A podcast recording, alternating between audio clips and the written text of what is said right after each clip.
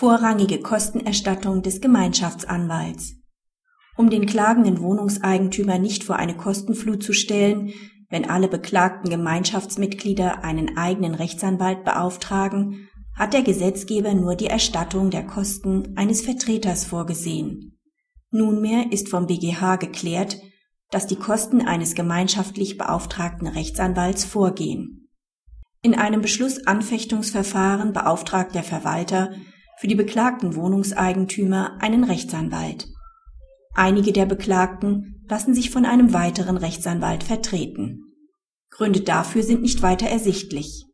Als der Kläger im Verfahren unterliegt, werden ihm die Kosten auferlegt.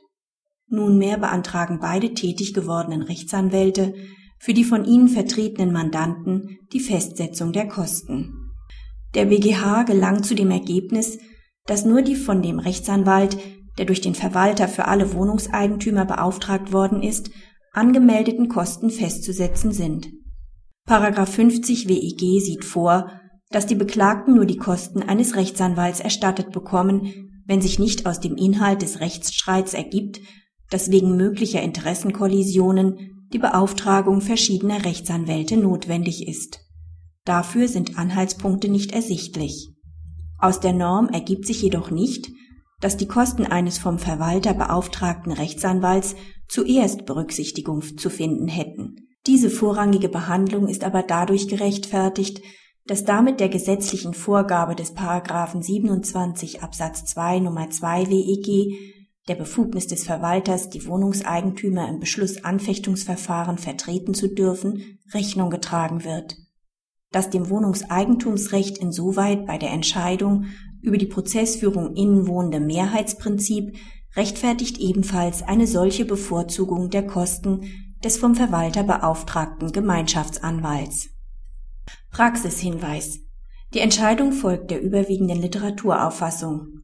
Dies ist auch gerechtfertigt, weil sonst die einheitliche Koordination eines Verfahrens über den Verwalter und einen von ihm beauftragten Rechtsanwalt gefährdet wäre.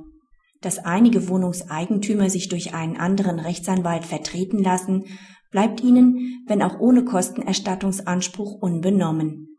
Eine Beschränkung der freien Rechtsanwaltswahl entgegen 3 Absatz 3 Brau findet daher nicht statt. Eine andere Beurteilung kann bezüglich der Kostenerstattung nur möglich sein, wenn, wie der BGH zu Recht ausführt, eine gemeinsame Vertretung aus in der Sache liegenden Gründen ausscheidet. Der BGH will dafür unterschiedliche Interessen der einzelnen Beklagten an dem Ausgang des Verfahrens nicht für ausreichend erachten, weil alle gemeinsam den Willen hätten, die Klage abzuwehren. Dies erscheint zweifelhaft, denn es kann nicht ausgeschlossen werden, dass bei einem Anfechtungsverfahren auch die Beklagten unterschiedliche Interessen haben. Ein Rechtsanwalt könnte im Hinblick darauf nicht alle Gemeinschaftsmitglieder vertreten, denn er kann nicht einerseits für einen Teil der Wohnungseigentümer eine Verteidigung gegen die Klage vornehmen und andererseits für einen anderen Teil etwa ein Anerkenntnis abgeben. Ungeachtet der Begründung des BGH werden voraussichtlich berufsrechtliche Fragen den Ausschlag dafür geben, ob die gemeinsame Vertretung aller Beklagten mit eventuell unterschiedlichen Interessen am Ausgang des Verfahrens von einem einzigen Rechtsanwalt übernommen werden kann. Soweit dies nicht der Fall sein sollte, müssen auch die Kosten verschiedener Rechtsanwälte festsetzbar bleiben